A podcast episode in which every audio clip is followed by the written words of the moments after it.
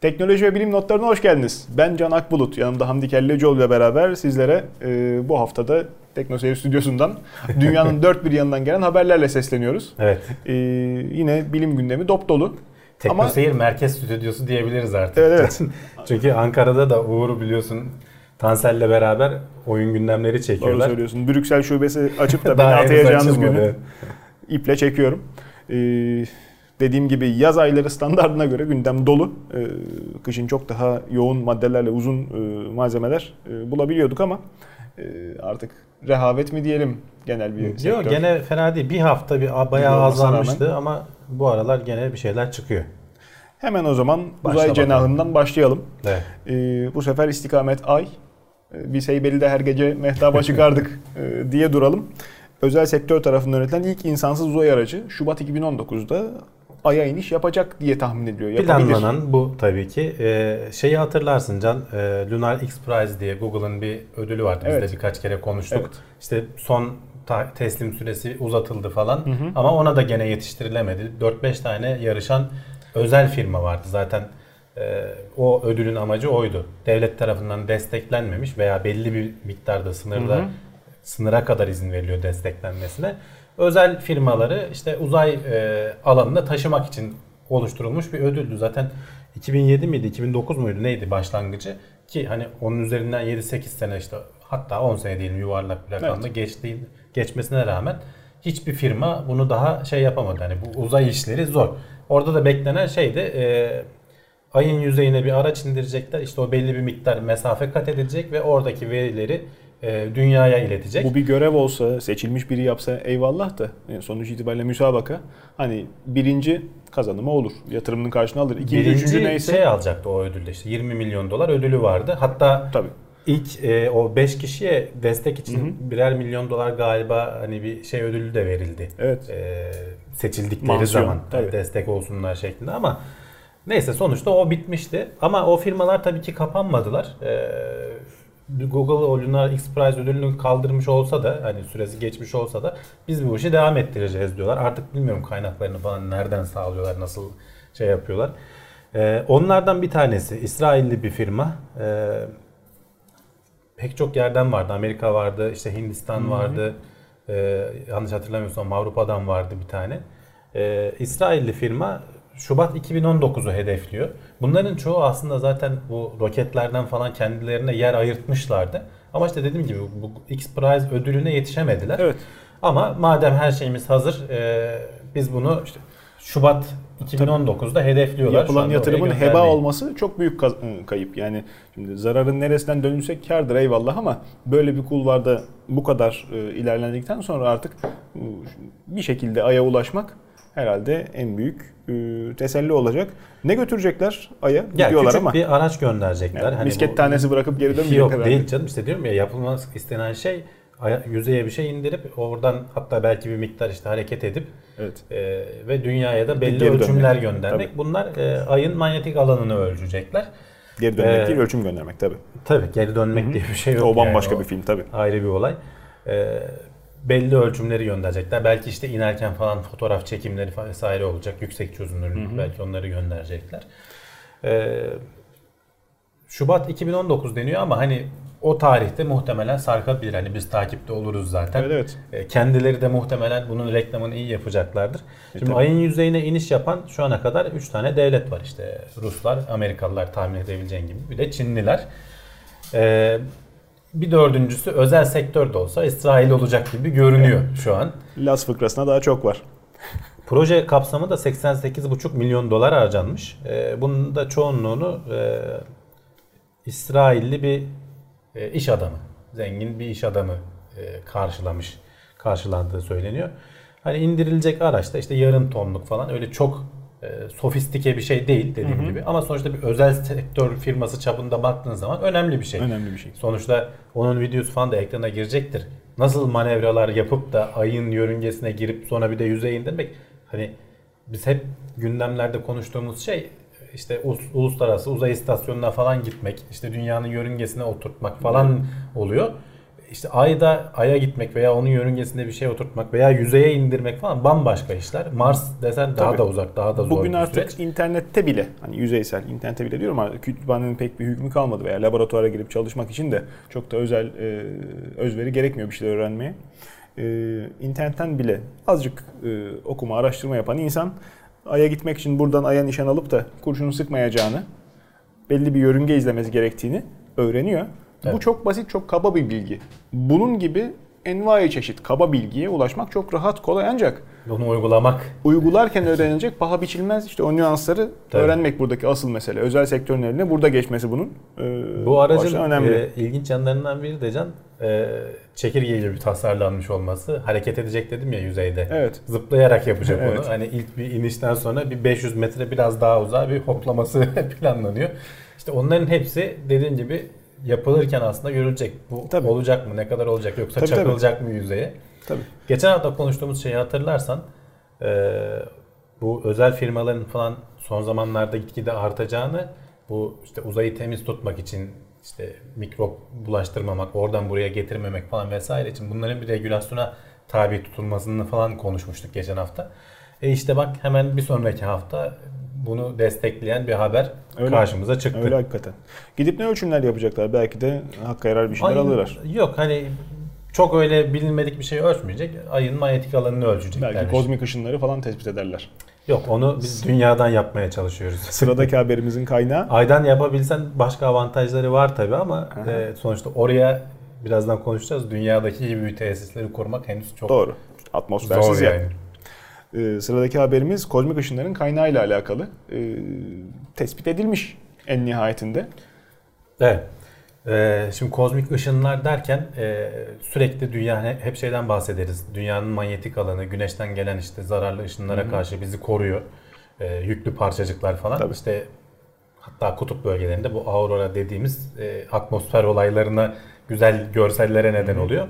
Bunların bir versiyonu da güneş sistemi dışından, güneş dışından gelen ışınlar. İşte bunlara kozmik ışınlar deniyor. E, farklı yerlerden geliyorlar, rastgele yerden geliyorlar.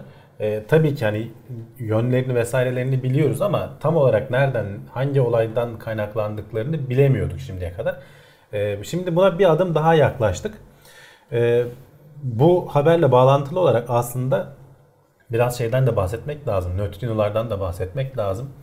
E, çok küçük parçacıklar hiçbir şeyle etkileşime girmiyorlar.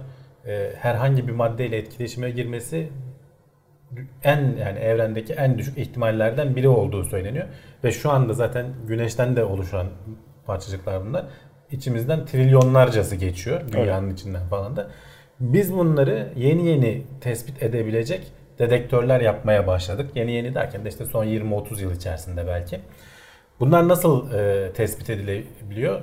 E, etraftaki şeylerden etkilenmemesi için işte çok ücra noktalara, yerin dibine e, su tankları, ağır su tankları vesaire falan yapılıyor ve onlara böyle çok hassas foto dedektörlerle çünkü bu nötrino çarptığı zaman bir şey dediğim gibi hiç etkileşime girmiyor ama trilyonlarca içinden bazıları da gerçekten denk gelip şanssız olanlar çarpabiliyor senin oradaki ıı, koyduğun şeye. Onların etkisini ölçebiliyorsun.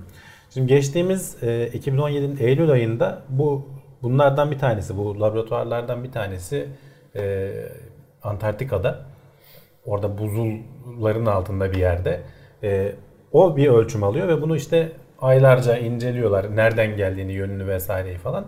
Ve tam olarak e, şeyi tespit ediyorlar. Bir e, galakside dünyaya işte ne kadar uzakta? 3 2 milyar 2 milyar ışık yılı ötede mi? Şu an tam o rakamı hatırlayamadım ama oradaki bir e, kaynaktan geldiğini tespit ediyorlar ve dünya çevresindeki diğer astronomları da uyarıyorlar. Ya şurayı bir takip edin. Burada bir e, böyle bir e, kozmik ışının gelmesine neden olabilecek bir ne olabilir? Hani biz böyle bir nötron ölçümü aldık. Gerçekten de herkes oraya çeviriyor e, şeyleri ve orada bir blazar veya blazer denilen e, kuazarların bir versiyonu. Aslında ikisi aynı şey. Hani ne olduğunu da kısaca anlatalım. E, galaksilerin ortasındaki kara delikleri, etrafındaki yıldızları vesaire falan malzemeleri çekmeye başladıkları zaman çok hızlı e, dönen bir spiral disk oluşuyor etraflarında ve bu çok hızlı dönerken çok ısınıyor bu gaz ve evet. toz bulutu. e, kara deliğin içine düşmeden önce. Hı hı. Onun kütle çekiminden dolayı. Dolayısıyla evrendeki en parlak e, cisimler bunlar. E, genellikle de bize uzak oluyorlar. Çünkü e, dediğim gibi e, yakın olsa duramazdın diyorsun. Yok ondan değil.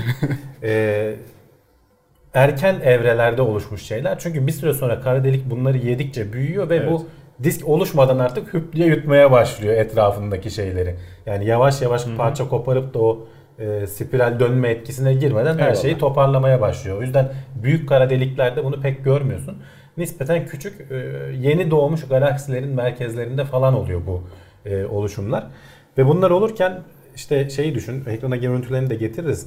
Kara deliğin etrafında bu disk oluşurken e, çeşitli manyetik nedenlerle bu kara deliğin kutuplarından uzun şeyler de fırlayabiliyor. İşte yüksek hızlı parçacıklar e, hem üstten hem alttan. Hı hı. İşte bunların yönelimine göre eğer bunlar tam dünyaya dönükse bla, blazar deniyor bunlara. Eğer sen bunları yandan görüyorsan kuazar diyoruz biz. Aslında ikisi de aynı oluşum.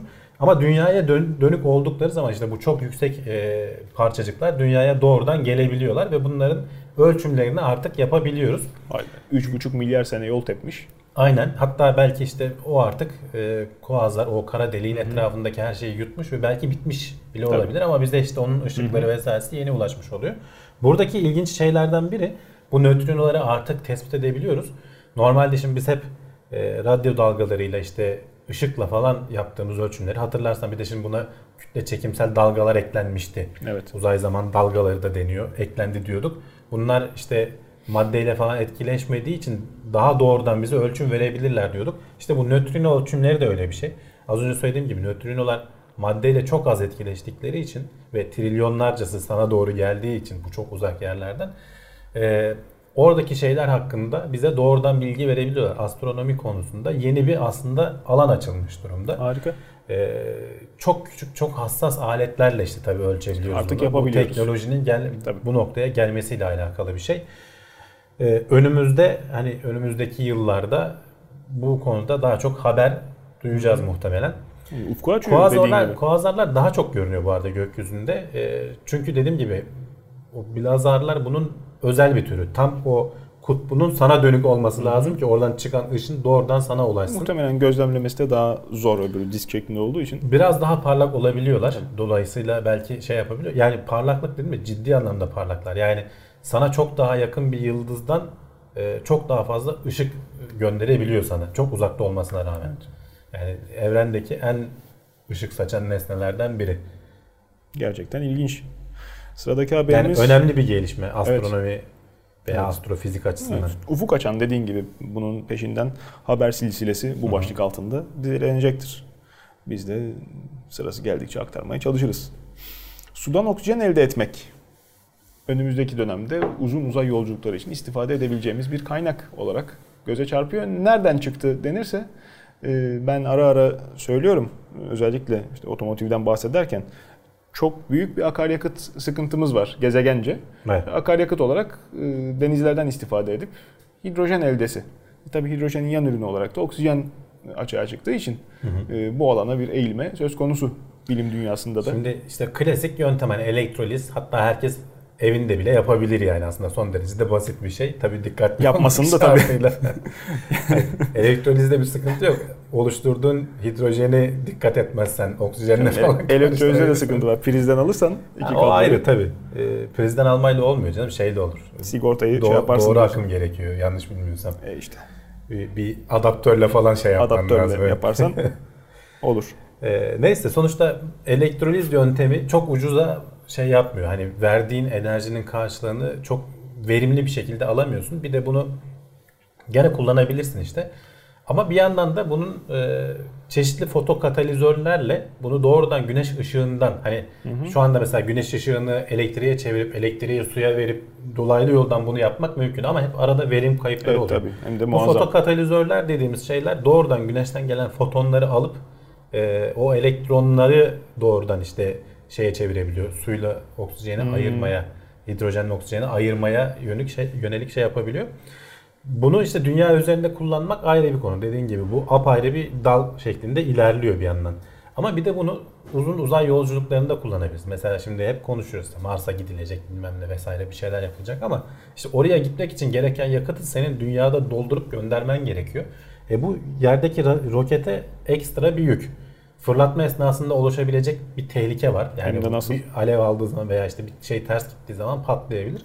Bunun yerine diyorlar ki biz patlama ihtimali olmayan e, su doldurup onu göndersek ve gittiği yerde işte atmosferin dışına çıktıktan sonra bu teknolojileri güneş ışığı Hı-hı. zaten oraya daha da güzel geliyor. Hem de nasıl? Tabii. Ee, bunu kullanarak işte elektroliz yöntemi veya işte bu fotokatalizörlerle suyla oksijeni ayırsak, hidrojeni e, yakıt olarak kullansak, işte oksijeni de belki hatta e, içerideki mürettebat için kullansak veya gene yakıt yakma amaçlı kullansak nasıl canları sıkılmaz. araştırıyorlar ama işte orada bazı problemler Şekerler, var. oksijeni bol bol. Kafa yerine gelir diyorsun. Tabii. Ee, orada bazı problemler var. Zaten bu araştırmada da onu denemişler. Yer çekimsiz ortamda e, sen suyun içinde hidrojenle oksijeni ayrıştırdığın zaman küçük baloncuklar oluşuyor. Tabii. Ve bu katalizörün yüzeyine yapışıyorlar.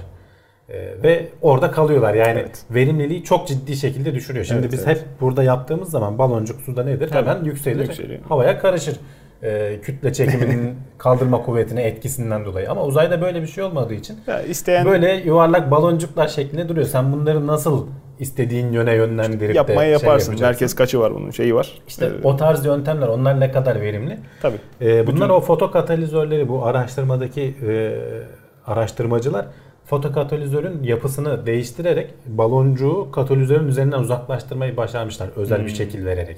Ama işte gene suyun içinde kalıyor diyor. O bir sonraki aşamada o suyun e, dışına nasıl ayrıştırılarak nasıl çekilecek buna bakacaklar. Tabi yer çekimsiz ortamda bunları test etmen lazım. Onu da nasıl yapıyorsun? Orada ilginç olan noktalardan biri bu. Ya Uluslararası Uzay İstasyonu'na gideceksin. Bu deneyleri orada yapacaksın. Ya işte kendi roketini, uydunu yapacaksın, fırlatacaksın ki bunların hepsi çok pahalı. Ya da e, çok yüksek kuleler var. E, Drop hmm. tower deniyor buna. Çıkıyorsun yukarıya serbest düşüşe bıraktığın zaman biliyorsun dünyaya doğru ivmelenirken çok ciddi anlamda aslında e, asansörde de hani yaşadığımız şey. Çok hızlı aşağı inerken böyle asansörde onu yaşamıyoruz da çok az hissediyoruz. Bazı asansör, ayarsız asansörlerde diyelim. Burada tabii direkt sen serbest düşüşe bıraktığın için hava direncine de çok böyle uygun olmayan bir yapısı varsa doğrudan iniyor. Çok az bir dirençle karşılaşıyor. NASA'nın da kullanan geldiği sistem vardı. Mikrogravity denilen o çok küçük kütle çekimleri seviyelerine indirebiliyorsun ve testlerini o kısa aralıkta yani bu 120 metrelik falan bir kule.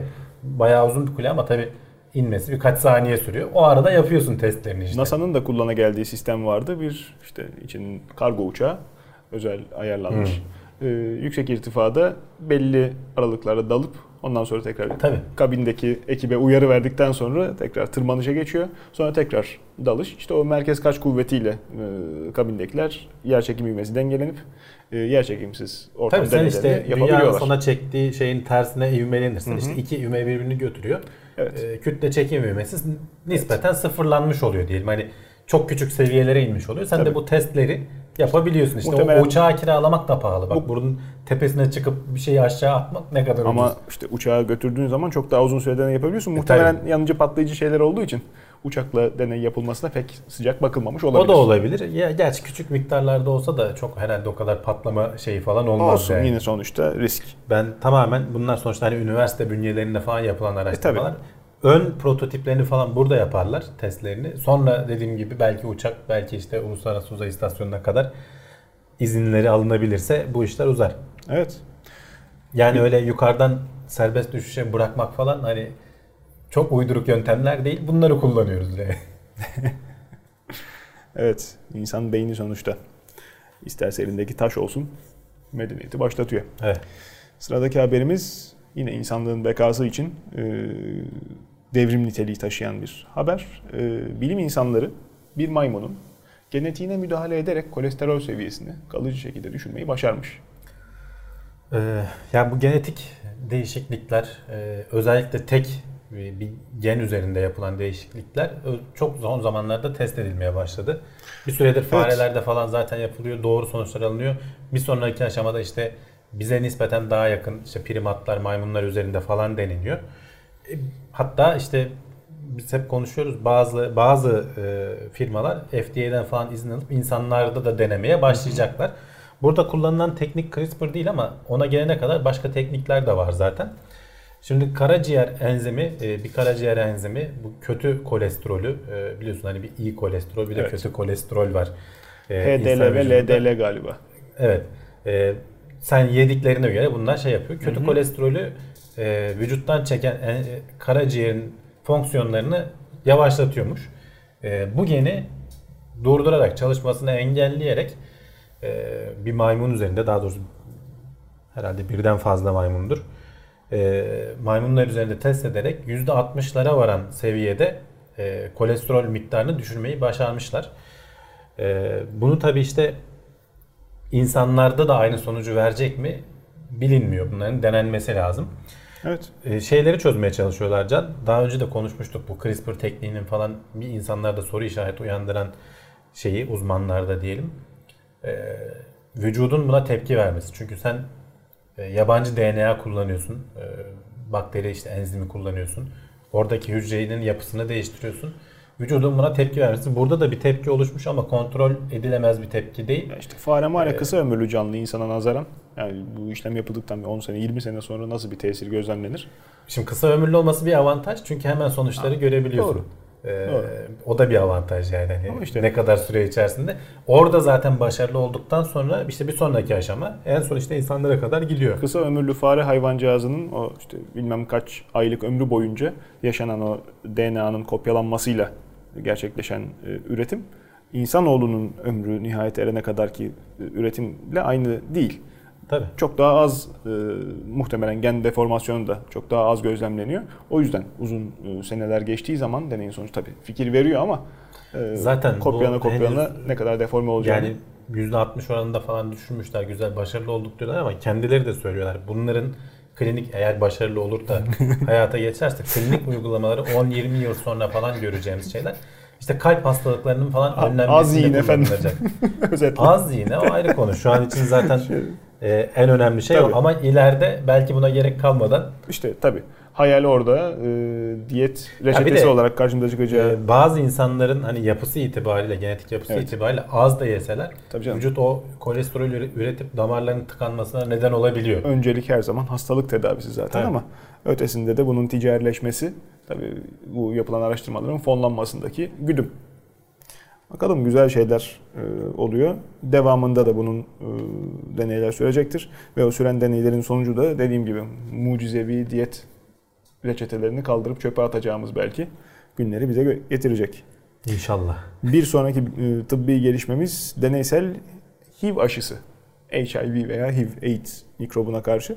Klinik testlerde umut verici sonuçlar hı hı. alınmış e, aşılmış bir tehdit gibi duruyordu aslında. Şimdi, Çok yaygın şöyle, tekniklerinin. Önleyici yöntemlerle tabii. veya sonrasında tedavilerle vesairelerle falan bayağı geriletildi. O 90'lardaki Hı-hı.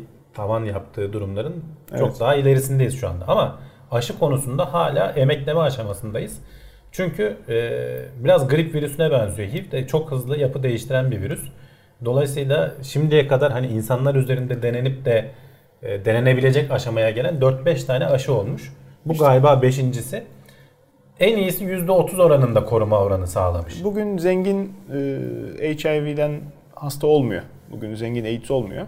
Afrika'nın fakiri fukarası, zır cahili hasta oluyor. Onları da hani birazcık görmezden geldiler belki bu konuda araştırma yapan şirketler. Yani sonuçta kendi popülasyonlarında da çok fazla var yani. Onlara ilaç firmaları bir önlem mutlaka almak yani istiyorlardır. İnsan insandır ee, her yerde. Dört tane dediğim gibi çok hızlı değişen bir yapı olduğu için şimdiye Hı-hı. kadar bulunan aşılar hep e, belli bir türüne zaten bir tane HIV virüsü de yok. İşte Afrika'da bölgesinde bulunan biraz farklı bir cinsi var. Canım. Daha önce konuşmuştuk mesela Güneydoğu Tayvan Asya'da. bölgesinde bulunan hatta Geliyor. bazıları daha dirençli oluyor falan. Hı-hı. Farklı farklı türleri var. Bu son yapılan aşıda 7 tane mozaik aşı deniyormuş buna. 7 farklı türden e, çeşitli örnekler alınarak oluşturulmuş. Ve 400 sağlıklı kişi üzerinde test yapmışlar. Hani aşıyı vurmuşlar. %67 oranında e, koruma oranına ulaştıkları deniyor. Tabi bunlara HIV bulaştırıp şey yapmadılar. %67 nereden ölçülüyor? Gene maymunlar üzerinde yapılan testlerle ölçülüyor. Bu 400 kişide ne yapmışlar?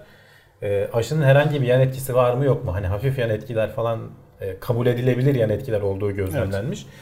Ve bu işte klinik aşamalarda artık insanlar üzerinde test edilme noktasına geldiğini gösteriyor. E, bir sonraki aşamaya geçmiş işte 2A aşaması buydu. 2B aşaması deniyor buna.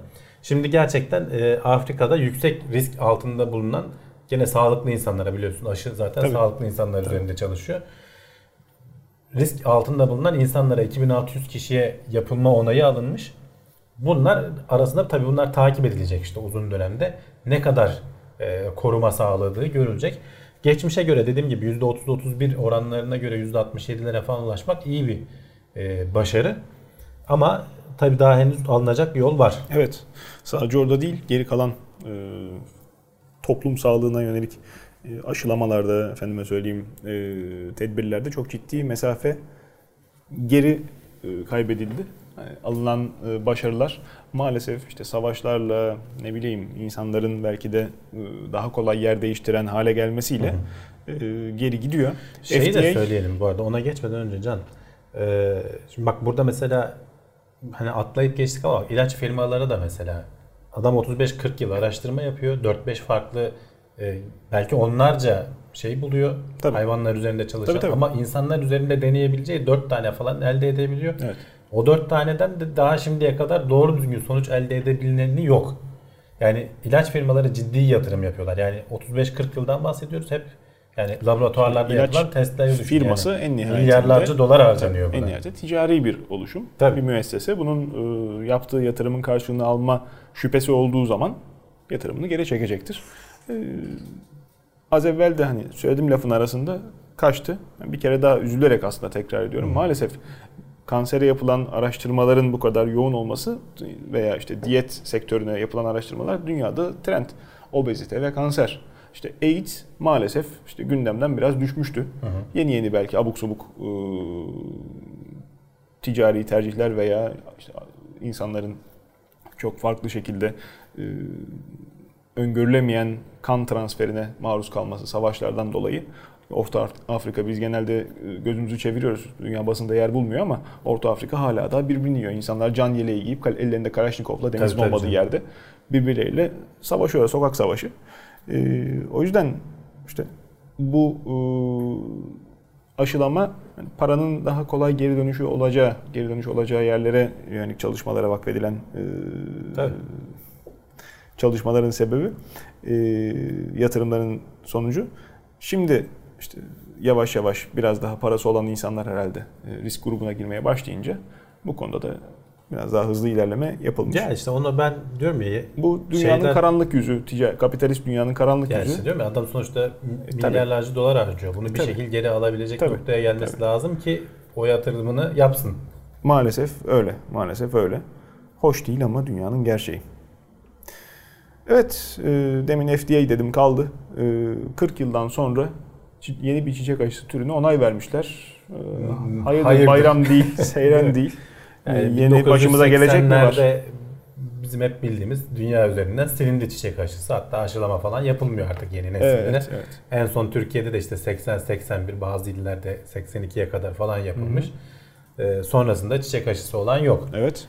Ee, dünyada da bu böyle. Hı hı. Ee, ama FDA e, nereden esti ise e, bir çiçek aşısına karşı işte etkili olabilecek şey çiçek hastalığına karşı etkili olacak bir aşıya onay verdi. Ee, ilginç yanı da şu aslında hayvanlar üzerinde yapılan testlerden sonra onay verdi. Çünkü insanlar üzerinde test edilemedi bu e, aşı. E, sebebi de şu can tamam biz dünya üzerinde sildik bunu ama hala bazı laboratuvarlarda bazı ülkelerin elinde işte Amerika'da da var Rusya'da da var muhtemelen veya belki başka ülkelerde de var bu mikrobun, bu virüsün e, örnekleri var ve bu biyolojik silah olarak kullanılma istenebilir günün birinde diye Tabii. Amerikan Senatosu e, bu alanda bir karar almış e, ve diyor ki işte kendi işte firmalarında bunu geliştirin elimizde en azından hazır dursun. Çünkü hani doğrudan çiçek aşısının o bildiğimiz eski virüsü olmasa da onun bir benzerlerini e, çünkü yakın akrabaları var işte hayvanlar üzerinde etkili onları belki genetik olarak oynayıp kullanmak isteyen vesaireler falan olabilir. E, bu biyolojik e, savaş olayı artık ya maliyet olarak gitgide ucuzlamaya başladığı zaman e, risk olabilecek şeylerden biri. E, bu yüzden de İşte böyle bir yola gitmişler. Biraz daha ilerlese zaman eli silah tutan herkesi sen neredeyse e, çiçek mikrobuyla kırıp geçireceksin. Ya bilmiyorum hani devletlerden benim çekincem yok çünkü hani böyle bir şeyi riski alabileceklerini zannetmiyorum. Çünkü bunu bir kere ortaya saldığın zaman nükleer silahın riskini alıyorlarsa onu da alırlar. Onu da alamadılar zaten işte görüyorsun işte, nükleer silahın göz korkutmak için kullanıyorlar canım. İşte tamam onun için kullanıyorsun. Zaten hani onun da tartışması vardır ya e, belki nükleer silahlar olmasa çok daha kanlı konvansiyonel savaşlar çıkabilirdi. Nükleer Tabii. silahlar ciddi bir denge unsuru. Bu biyolojik silahlar biraz daha denge unsuru. Çünkü hani nükleer tamam bütün küreyi etkiliyor ama hani biraz daha lokal. Bunun engelleme şansın da yok. Bir kere ortalığa saldığın zaman dönüp sana gelmeyeceği hiçbir Tabii. şekilde bilemiyorsun. Ee, hani belki işte kötü niyetli küçük grupların eline geçme ihtimalleri. Ee, onda nasıl engellenir, nasıl şey yapılır ayrı evet. konular. Sonuçta FDA böyle bir o e şeyi işte, yıllar sonra almış. Hayır alamet değil. Kötü niyetli küçük grup da zaten dünyanın her zaman kandırılma vesilesi, günah keçisi olarak birisi çıkartılır. Tabii, tabii, tabii. O kötü niyetli küçük gruba e, o raddeye gelene kadar kimsenin haberi olmadı mı? Madem küçük gruptu nasıl bu kadar kuvvetli? İşte Tabii onların da anlar. kullanılanı var, kullanılmayanı var. Kullanılmıyor gibi gösterileni var. İşte öyle şeyler. Sıkıldım ben artık kafamı toprağın altına sokayım diyeceğim. Orada da gelişmeler e, karşımıza geliyor.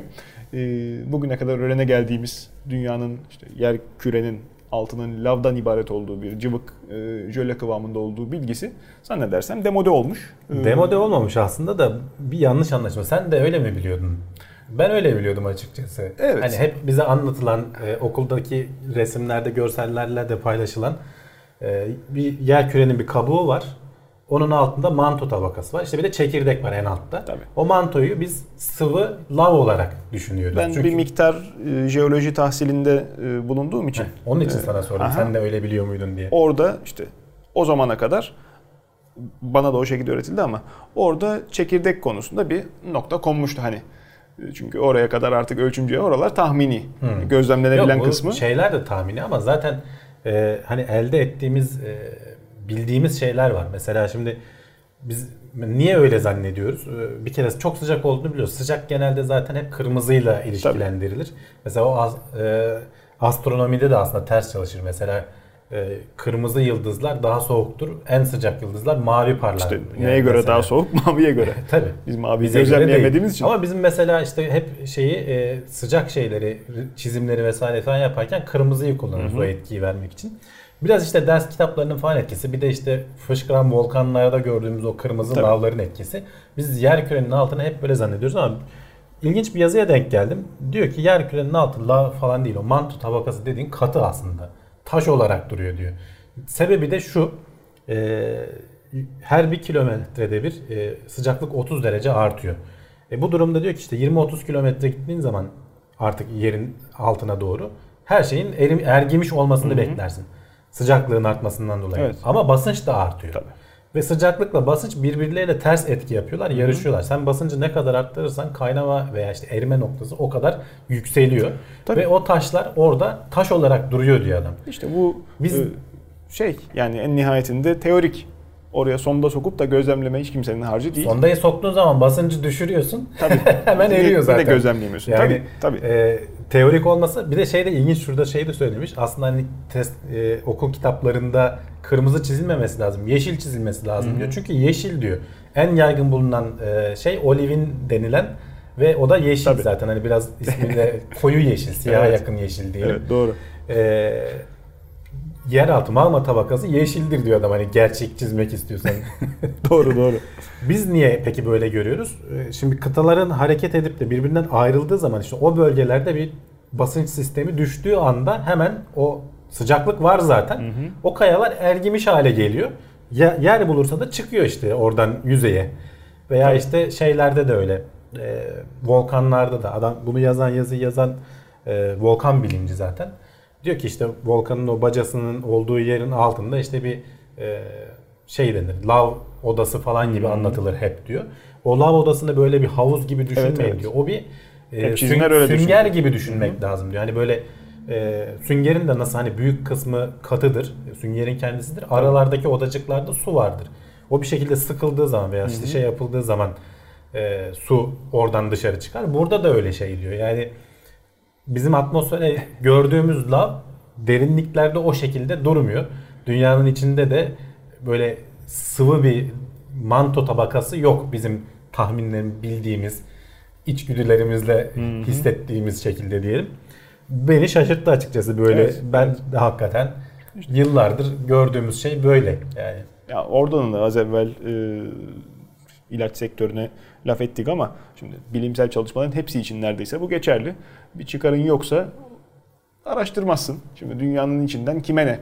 kimsenin nem alamayacağı bir alan olduğu Öyle için. deme canım. Onun bayağı da onu araştıran var sonuçta depremler vesaireler. Bir derinliğe kadar o depremlerin falan hepsi belli irtifada. E, Onun daha aşağısından. Daha aşağısına inemiyorsun ki. Onu diyorum kime ne? İnmek istesen azmetsen uzay çalışması kadar fon ayırsan oraya e, tabii. çok daha net gözlem alırsın ama kimsenin umurunda değildi. Güzel hakikaten e, ilgi çekici bir çalışma olmuş. Ama tabii bunu algılamak için klimaya yüklenmemiz gerekti. Tekim Temmuz itibariyle artık mevsimin pik yaptığı en sıcak günleri biz Tam idrak ediyoruz. Günler, evet. İstanbul şubemizde, İstanbul stüdyolarımızda sıcak havanın beynimizi yavaşlattığı ispat edilmiş.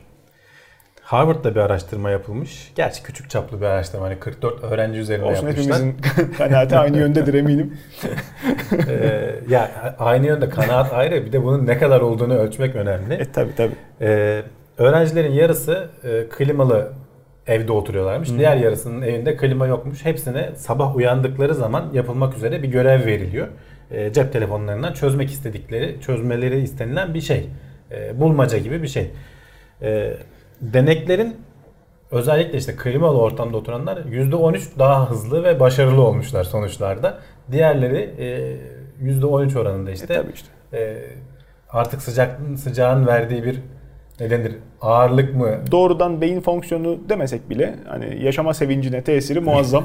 Dolayısıyla da işte e, tabii, e, bilişsel yetenekleri düşürdüğü kesin. Bir de şimdi sen bunu e, diyorsun ki bu deney evde e, sabahleyin yapılan gözlem sonucu sıcak bir gecenin ardından bir de sokakta güneş yiyerek e, güneş altında dolaşmak durumunda kalındığında ortaya çıkan tablo İyice, var. Evet. Şahsen ben kafa yalıtımım zayıf olduğu için sen de muhtemelen sıkıntı yaşıyorsundur. Ee, hakikaten çok Aa, rahatsız oluyorum. dolaşmıyorum mümkünse. Ee, tabii. Tabii insan mecbur kaldığında ya işte bu sıcak sıkıntıyı hissediyor. klima tabii hani son zamanlarda bizim de hayatımıza çok fazla girmeye başladı can. Hani biraz e, artık lüks olmaktan çıktı diyelim. Ama işte mesela teknoloji... bu konuda uyaranlar da var. 2050'li yıllara kadar eğer doğru düzgün bir e, serinleme tekniği bulmazsak daha verimli çalışan hı hı. E, çok ciddi bir kalem olacak küresel ısınmaya. Hani biraz garip bir durum. Hani kendini serinletmek için sonuçta klima dışarıyı ısıtıyor burayı serinletmek Öyle. için. Öyle. Elektrik tüketiyor vesaire falan. Öyle. E, e bunun gitgide artı hava sıcaklıkları da artıyor biliyorsun hep konuşuyoruz iklimin e, şeyi. Tabii. Hatta bazı yerlerde işte tehlikeli boyutlara ulaşıyor. Hani klima olmadan olmaz diyoruz. Hı hı. Ben düşünmek istemiyorum şu kadar ışığın altında biz nasıl çekerdik buradaki klima çalışmasa. Yani hiç olmazsa onlar da led oldu artık. O kadar eskisi gibi korkunç onlar da ısınıyor. Ama Ledlerin arkasında yine ısınıyorlar. yani. E sen bir de eski teknoloji TRT ışığını düşünsene burada. Spotları yaktık mı? Diyorsun. Tabii. Tabii o yüzden e, o bir hiç olmazsa e, dengeleyen teknoloji oldu. Umarım klima gazlarının bildiğim kadarıyla dönem dönem e, teknolojisi gelişiyor. Küreyi daha az tabii, tabii. Ya, ama daha meseleyi zararsız. Şimdi belki hatırlamıyorum gündemde konuştuk mu biz konuşurken maddeleri aldık mı pek hatırlamıyorum şimdi ama başka yöntemler var. Mesela bütün cepheyi farklı türlü kaplayalım. İşte camlardan özellikle içeriye gelen ışığı gündüz almayacak şekilde kararacak ve hatta belki elektrik üretecek ama gece saydamlaşacak falan. Hani bir sürü insan şu anda Ondan bunun sonra üzerinde mahallede uğraşıyor. oynayan çocuk topu kaçınca çıksınlar vursunlar çocuğu. Kaç para bu cam biliyor musun? Yani ama işte onlar ucuzlayacak canım. Umarım öyle şeyler yaşanmaz. Umarım öyle şeyler yaşanmaz zira sıcağın tesiri sadece işte beyin fonksiyonlarının yavaşlaması değil e, öfke kontrolünde de çıkıyor. Geçtiğimiz sene Tabii. miydi, önceki sene miydi güneşe ateş etti adam biraz. Artık yeter diye. Bunlar mevsimsel sıkıntılarımız. Ee, sıradaki haberimiz bir hayli ilgi çekici. Ee, özellikle yani birçok e, insanın e, ciddiyetle üzerinde durup e, ötesinde de manipülasyona çok açık e, farklı kültürlerde bir haber. İnsanoğlunun, insanlığın tek bir kaynaktan doğmamış olabileceği yönünde. bir takım bulgular. Ee, ya bir takım bulgular zaten var Can. Ee, ama hani klasik e, algımız hep şeydir ya. E, hem işte tarihsel gelişim Hı-hı. aşamasıyla olsun işte çeşitli dinlerin açıklamaları olsun veya işte bilim konusunda da e, evrimsel çalışmalar falan hep böyle bir ağaç metaforu üzerinden yürür. İşte bir tür vardır, evet, dallanır falan evet. vesaire. İnsanlık da o dallanan türlerden biri şeklinde algılıyoruz biz ama ve şeyde sorun yok. Mesela Afrika kıtasında olduğu konusunda herkes hemfikir zaten. Oradan çıkıp dünyaya yayıldığı bütün zaten e, fosil kayıtları, jeolojik kayıtlar vesaireler falan bunu doğruluyor zaten. Ama Afrika kıtasında tek bir türden e, belli bir bölgedeki türden oluşmamış olabilir yorumları son zamanlarda yapılıyor. E, bu evrimsel süreçler düşündüğümüzden daha karmaşık olabilir. Bir ağacın tek bir dalının dallanıp da işte Homo sapiens işte diğer dallarda farklı e, insansı türleri hı hı. sonra zamanla yok olmuş falan işte bir tür ilerlemiş. Öyle olmayabileceği söyleniyor. Bunun sebebi de e, hep e, belki işte haberlerde falan da denk gelsin. İnsanın atasının işte bir kemiği bulundu diye e, haberler gelir. Afrika'nın farklı farklı bölgelerinde, farklı farklı zamanlarında işte yanında sadece tek bir kemik de bulunmuyor. Yanında bulunan taş, alet, edevat falan bunlar da incelendiği zaman şimdi son zamanlarda şöyle bir fikir e, ön plana çıkıyor. Zaten şeye baktığımız zaman hani bizim yapımıza da vücutsal yapılarımıza baktığımız zaman tek bir türde onları göremiyoruz. Farklı türlerde farklı bizim şu anki son modern yapının e, ilkel hallerini görebiliyorsun. Evet. İlk hallerini görebiliyorsun. Anlatılan şey şu, yani tahmin edilen şey şu, böyle de düşünmeliyiz deniyor. Tabi hani bu yönde tek bir tane araştırma yok. Hı hı. Bu genel bir yorum yazısı zaten paylaştığım link. E, deniyor ki Afrika'daki işte bizim şu anki modern insanı oluşturan e, özellikler farklı farklı türlerde, farklı zamanlarda ortaya çıkıyor. Zamanla e, iklimsel değişikliklerden dolayı bu türlerin kendi aralarında çiftleşmesiyle ortak bir e, ataya doğru gidiş olmuş olabilir. Yani şey gibi düşün diyor adam. Farklı dallanmış dallar ileride tekrar bir yerde birleşip evet. oluşmuş olabilir. Ötekilerin tamamen yok olması anlamına gelmiyor. Onlar bir süre sonra belki e, silinmiş olabilirler. Bugün bile gözlemliyoruz. İşte yani farklı şeylerde, türlerde gözlemleyebiliyoruz. Evet. Bu tarz çek yani kafamızı böyle de düşünmeye Tabii. yani işi basit düşünmeyelim. Ee, bu evrimsel süreç karmaşık bir şekilde işlemiş de olabilir. Zaten işte bunu e, bu yönde hani açıklama yapanlar tek bir kişi değil. Antropologlar var işin içinde, genetikçiler var. İşte e, başka bilim ekoloji işte paleo ekoloji mi deniyor artık. O dönemin geçmiş dönemin iklimini inceleyen bilim insanları falan var. O taş aletlerin yapıları vesaire falan da var. Bunların hepsinin ortak görüşü yani elimizdeki bu kadar farklı farklı veriyi anlamlandırabilmek için belki farklı bir teori ortaya çıkarmalıyız. Ve o da bu olabilir. Yani bunu bu şekilde düşünebiliriz diyorlar. Böyle bir şey de var. Şimdi tabi hani şey de söyleyeyim. E, yorumlarda gelecektir hemen.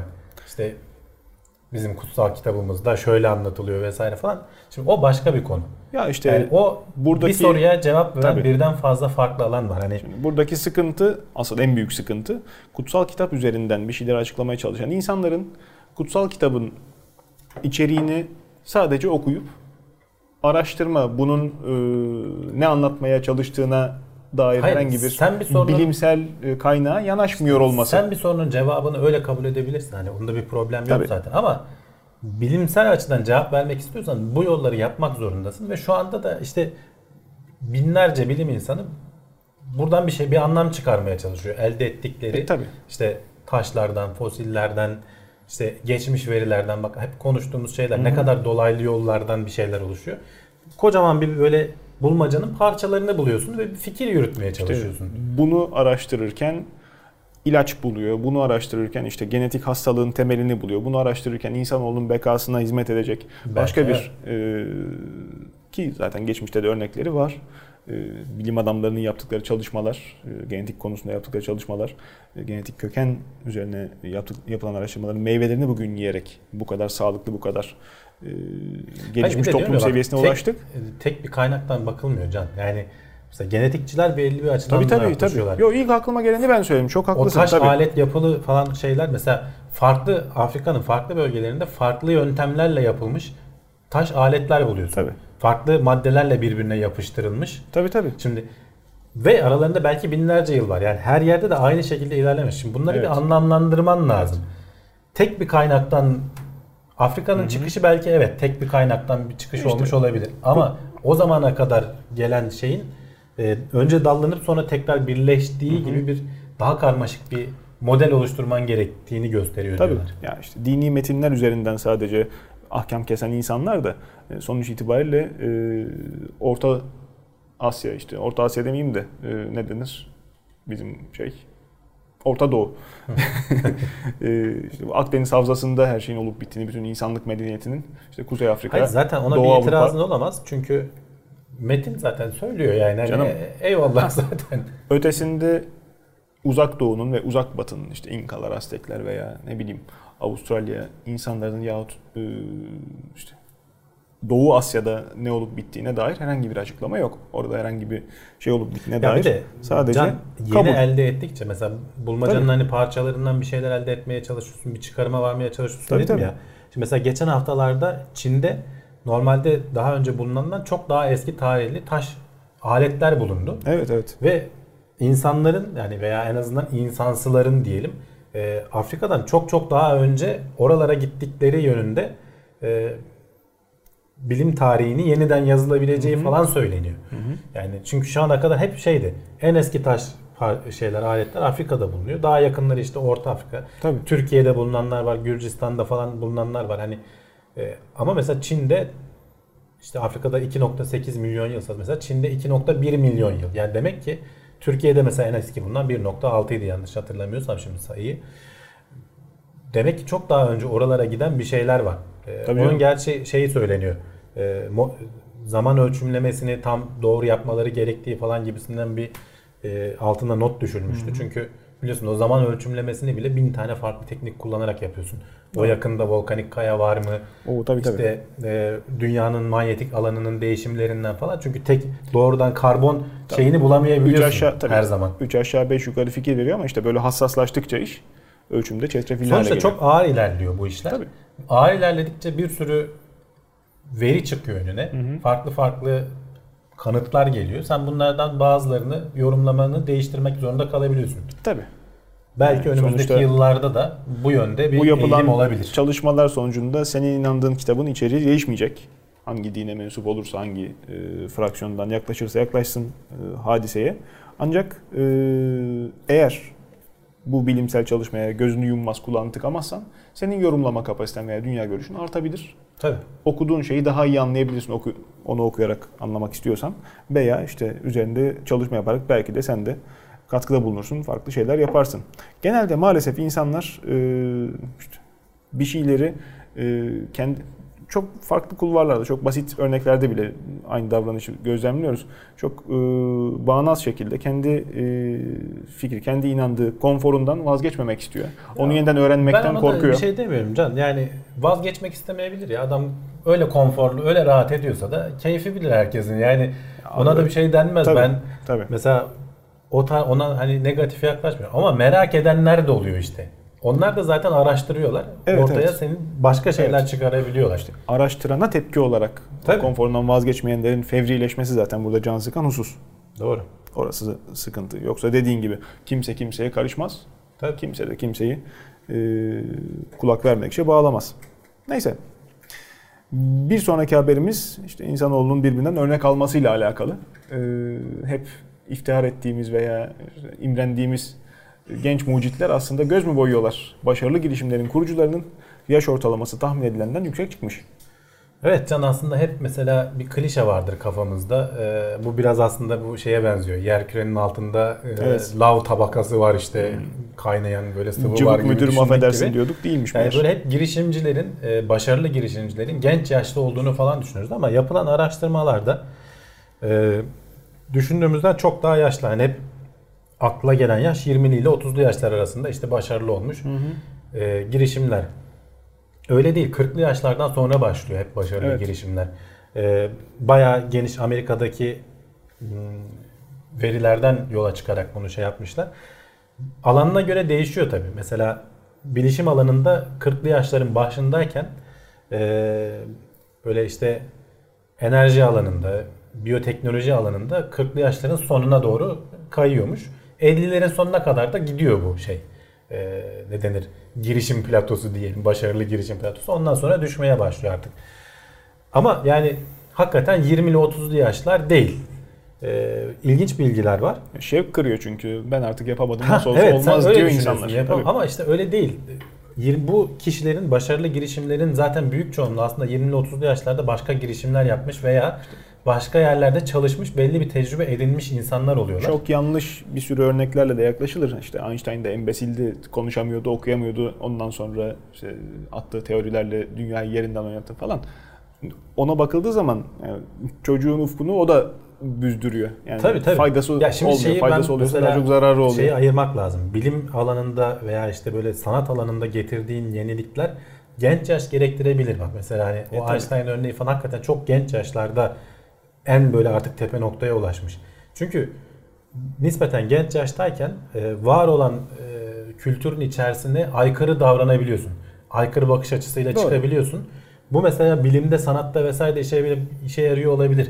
Ama ticarette gördüğün görüldüğü gibi o kadar etkili olmuyor. Ticaretin anlaşılan. kuralları yazmıyor. Heh. Yaşanarak öğreniliyor. E, biraz öyle. Ee, ve burada hani şey de yapmışlar. En başarılı olanları da almışlar. Binde birlik dilimi almışlar. Hı hı. En başarılı olanları da şeylere göre dayamışlar. Mesela e, ilk 5 yıl içerisinde en çok mesela işçi sayısını, eleman sayısını büyüten, işte ne bileyim e, en başarılı halka arzı gerçekleştiren. Hani bunların farklı farklı açılarına bakmışlar. Hepsi ortalama 40 yaş araların aralığında en başarılı girişimcileri gösteriyor. Ee, peki diyeceksin hani mesela bu Steve Jobs işte ne bileyim Jeff Bezos falan hani bunlar veya Bill Gates falan bunlarda da ilginç bir şekilde en başarılı oldukları zaman mesela Steve Jobs örneğinde mesela iPhone çıkmadan önce evet hani Mac belli bir yerdeydi ama iPhone'dan sonra patladı. Adam 52 yaşında. Ee, Jeff Bezos e, Amazon kitap satarken evet başarılı bir firmaydı ama asıl Amazon'u Amazon yapan e, diğer alanlara girmesinde Jeff Bezos 45 yaşında. Yani şeye baktığın zaman hani eski böyle aşırı böyle iyi örneklere falan da baktığın zaman hep o yöneticilerinin belli bir olgunluk seviyesine ulaştıktan sonra bu işlere girmiş olmaları. Teknoseyir'de bunu mu bekliyordu diyorsun? Ne diyorsun ben anlamadım. Bilmiyorum. Tam. Biz daha henüz henüz, henüz henüz bizim vaktimiz var diyorum yani olabilir. Bizden bir şeyler bekleyin. Ee, ama mesela yatırımcıların e, genç yaştaki kişileri tercih etmeleri ne olabilir? O zaman mesela hani bu büyük yatırım işte melek yatırımcılar vesaireler falan var. Onların da yatırımları nispeten genç yaştaki insanlar. Kontrol etmek daha mı kolay sanki? Şey olabilir diyorlar. E, genç yaştaki adamın finansal kabiliyetleri de kısıtlı oluyor. E, daha fazla e, kaynak koparabiliyorsun onlardan. Mesela Tabii. o tercih sebebi oluyor olabilir. Tabii. Tam sebebi belli değil ama hani bu araştırmayı yapanlar böyle yorumlamışlar. İşte mesela hani şeydir 40 yaşında belli bir yere oturmuş belki bir miktar sermaye biriktirmiş adamdan e, yatırım alacağın zaman adam belki %15'ten fazlasını vermez sana şirketinin. Ama nispeten genç adamdan yarısını belki daha fazlasını alabiliyorsun. Evet evet. E, belki bunların büyük çoğunluğu başarısız oluyor ama başarılı olanlar senin o yatırdığın paraları geri döndürebiliyor fazlasıyla. Hani yatırımcı kafa biraz böyle düşünüyor olabilir diyorlar. İlginç yani 40'lı yaşlarda olanlar eğer kafalarında bir girişim şeyi varsa, e, planı varsa bizden geçti diye düşünmesinler. Yani 40'lı yaşlar deyince de sadece hani onu düşünme 50'lerin sonuna kadar gidiyor dediğim gibi. Ya işte artık 30'a merdiven dayayıp da bir şeyleri bir yapmam lazım geçiyor zaman diye evi yakmasınlar. Lazım. Ya tecrübe bu konuda biraz önemli. Biraz e, networking deniyor ya bu tanın, tanışmak, insanları tanımak, bir ağın olması işte, yapacağın alanda bu bir önemli. Bir musibet bin nasihattan evladır. Genelde de insanların o araştırmanın kapsamında belki yok ama genel öğreti ilk denemede Tabii. başarının pek Hatta nadir. Belki birkaç denemede. İşte birkaç denemede genelde birkaç başarısızlıktan sonra e, doğru uslubu, doğru yöntemi insanın öğrendiği. Şeyi falan da yapmışlar. Mesela bu söylediğim araştırma da tabii sadece bilişim sektörüne falan veya böyle teknoloji alana değil. Mesela kuru temizlemeci de var, restoran da var. Yani her alanda tabii. girişimci. Onlardan ayrı bağımsız olarak şeye de bakmışlar. Teknoloji alanında yani çok fazla mühendis çalıştıran hı hı. vesaire falan alanlarda da hani durum değişiyor mu? Değişmiyor. 40 yaş genel olarak her yerde benzer sonuçlar vermiş. İnsanoğlunun kemal erdiği yaş diyorsun. Peki. Öyle görünüyor. İyi bakalım. Girişimcilik açısından en azından. Peki bulaşık yıkamayı kaç yaşında yeniden öğreneceğiz?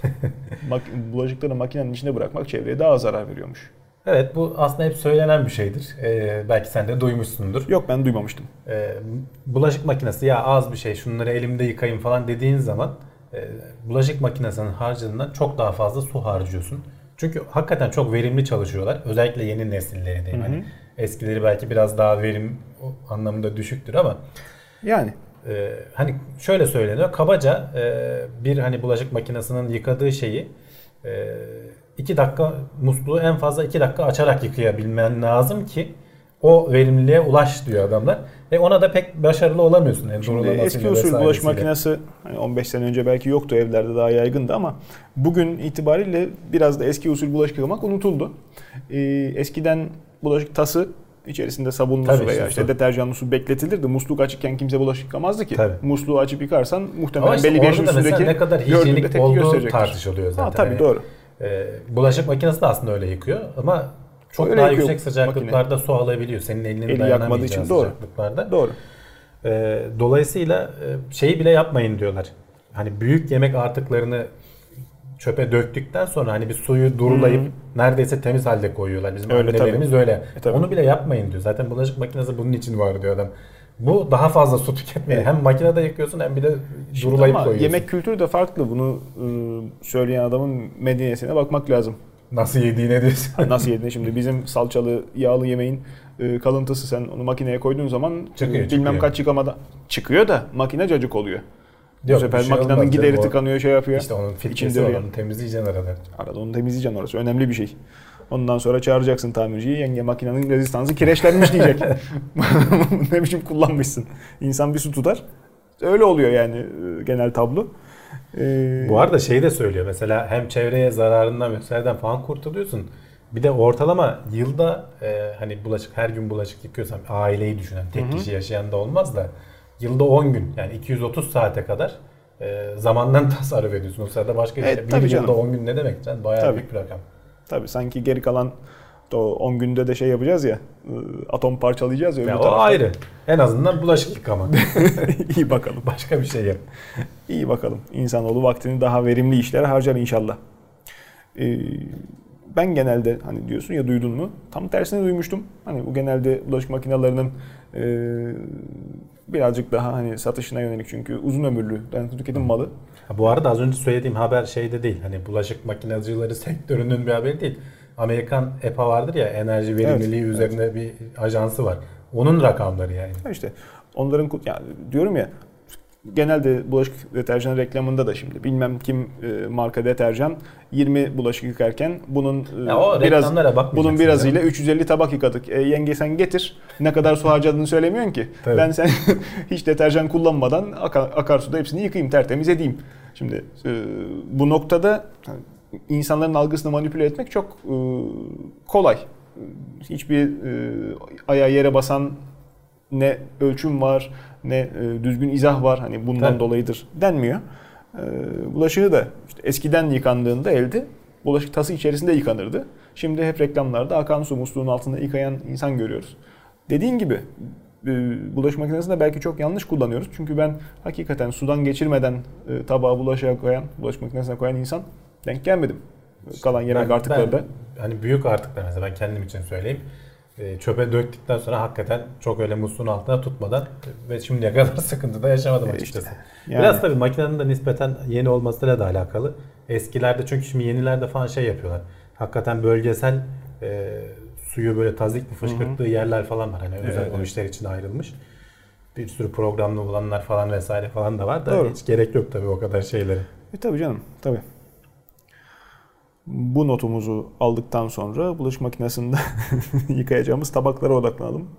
Ee, yaz mevsimi e, diyet e, safhasını belki geçtik çoğu insan için ama hala daha yaz sonundaki tatile hazırlanmakta olan varsa diyet reçetelerinin... Canım sadece yazı düşünmesin. Sağlıklı yaşamak için de e Yani genelde güdümü o oluyor ya işte geçen seneden kalan mayoma gireyim esprisi.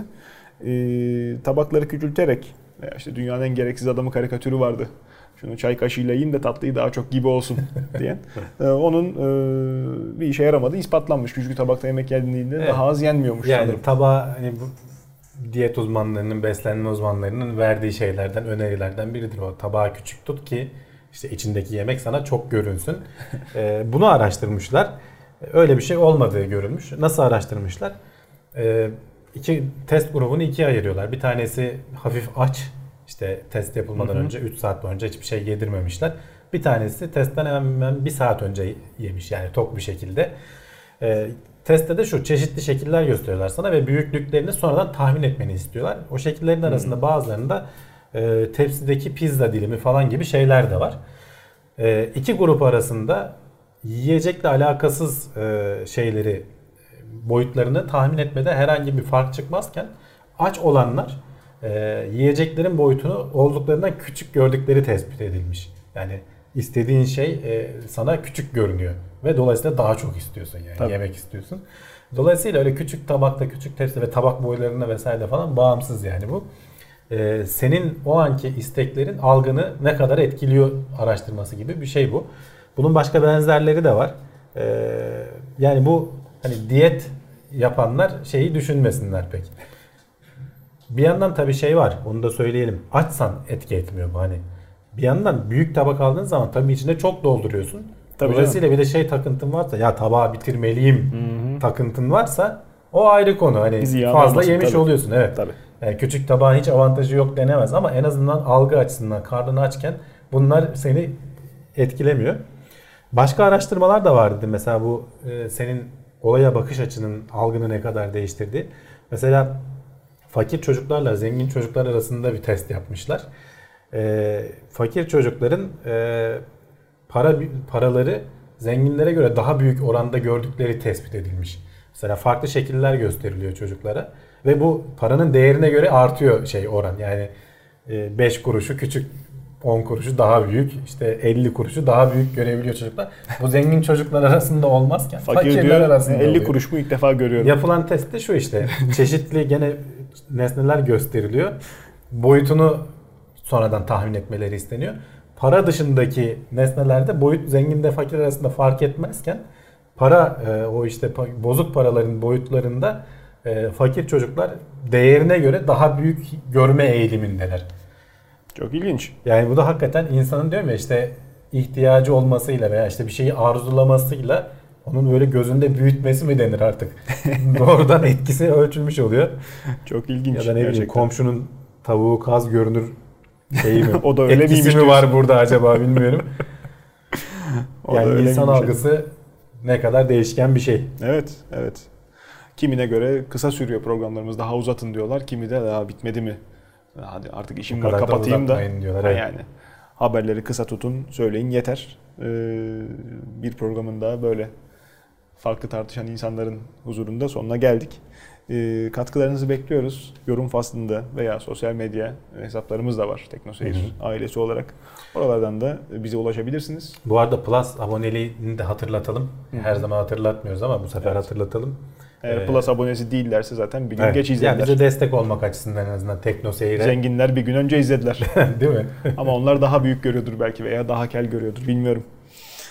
Fakirlikle algı değiştiği için. Varsa başka ekleyeceğiniz yok, ufaktan. Başka bir şey yok. Olduğu zaman da paylaşırız. Dediğim gibi sosyal medya hesaplarımızı takipte tutarsanız makbule geçer. Şimdilik hoşça kalın, iyi seyirler.